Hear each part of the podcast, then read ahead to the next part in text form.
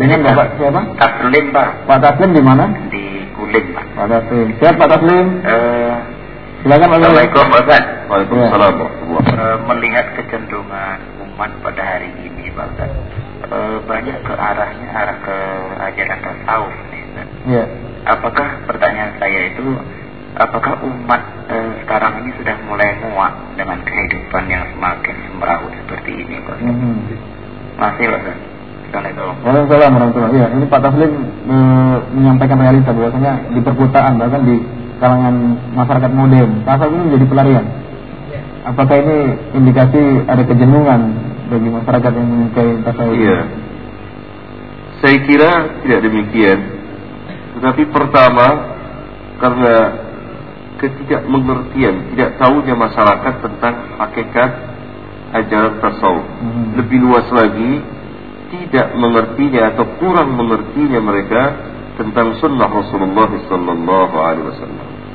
Yang kedua, tasawuf dijadikan satu pelarian untuk istirahat mereka, bukan untuk beragama. Dalam arti agama Islam. Ada semacam- tapi iya sifat relax. Iya, tamasa gitu. Iya.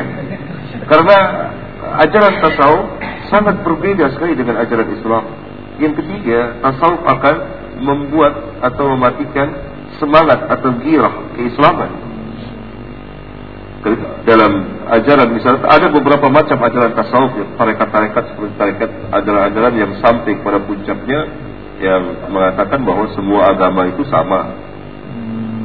Jadi seorang boleh memilih seperti seorang boleh memilih mazhab yang empat. Sampai pada pemikiran sankretisme. Iya, sampai demikian. Dan itu sekarang berkembang lagi kan, Hmm. berkembang lagi. Dan itu terus berlanjut. Misalnya kita lihat jaringan Islam liberal Iya, di iya. Jakarta, Jil. JIL, itu mempunyai paham seperti seperti itu, Iya. seperti itu. Atau paham eh, kesatuan dengan wujud Allah, wahdatul wujud pun berkembang, pun berkembang. Jadi ajaran tasawuf itu sangat beragam sekali. Tapi satu dalam kesesatan, Ada kesan sepertinya mereka menyesuaikan keadaan. Ya memang tadi saya katakan bahwa ketika Islam lemah muncullah maraklah ajaran tasawuf. Hmm.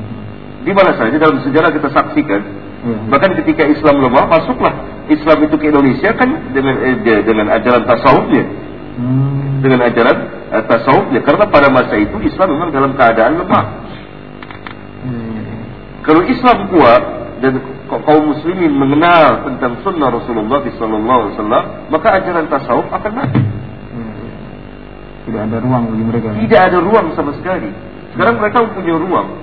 Dan masa adalah masa jaya mereka karena banyak umat tidak tahu karena itu perlu diberi harus uh, ya ini uh, dijelaskan hakikat ajaran tasawuf itu yang sebetulnya adalah perkataan para ulama yang dahulu seperti Imam Syafi'i tadi iya. dan orang hanya mengenal kulit luar tasawuf itu kulit luar tasawuf tersebut dan tidak tahu apa isi dalam tasawuf dalam tasawuf dan ajaran tasawuf Hmm. kalau dilihat dicocokkan dengan ajaran dibandingkan dengan ajaran Islam. Iya, iya.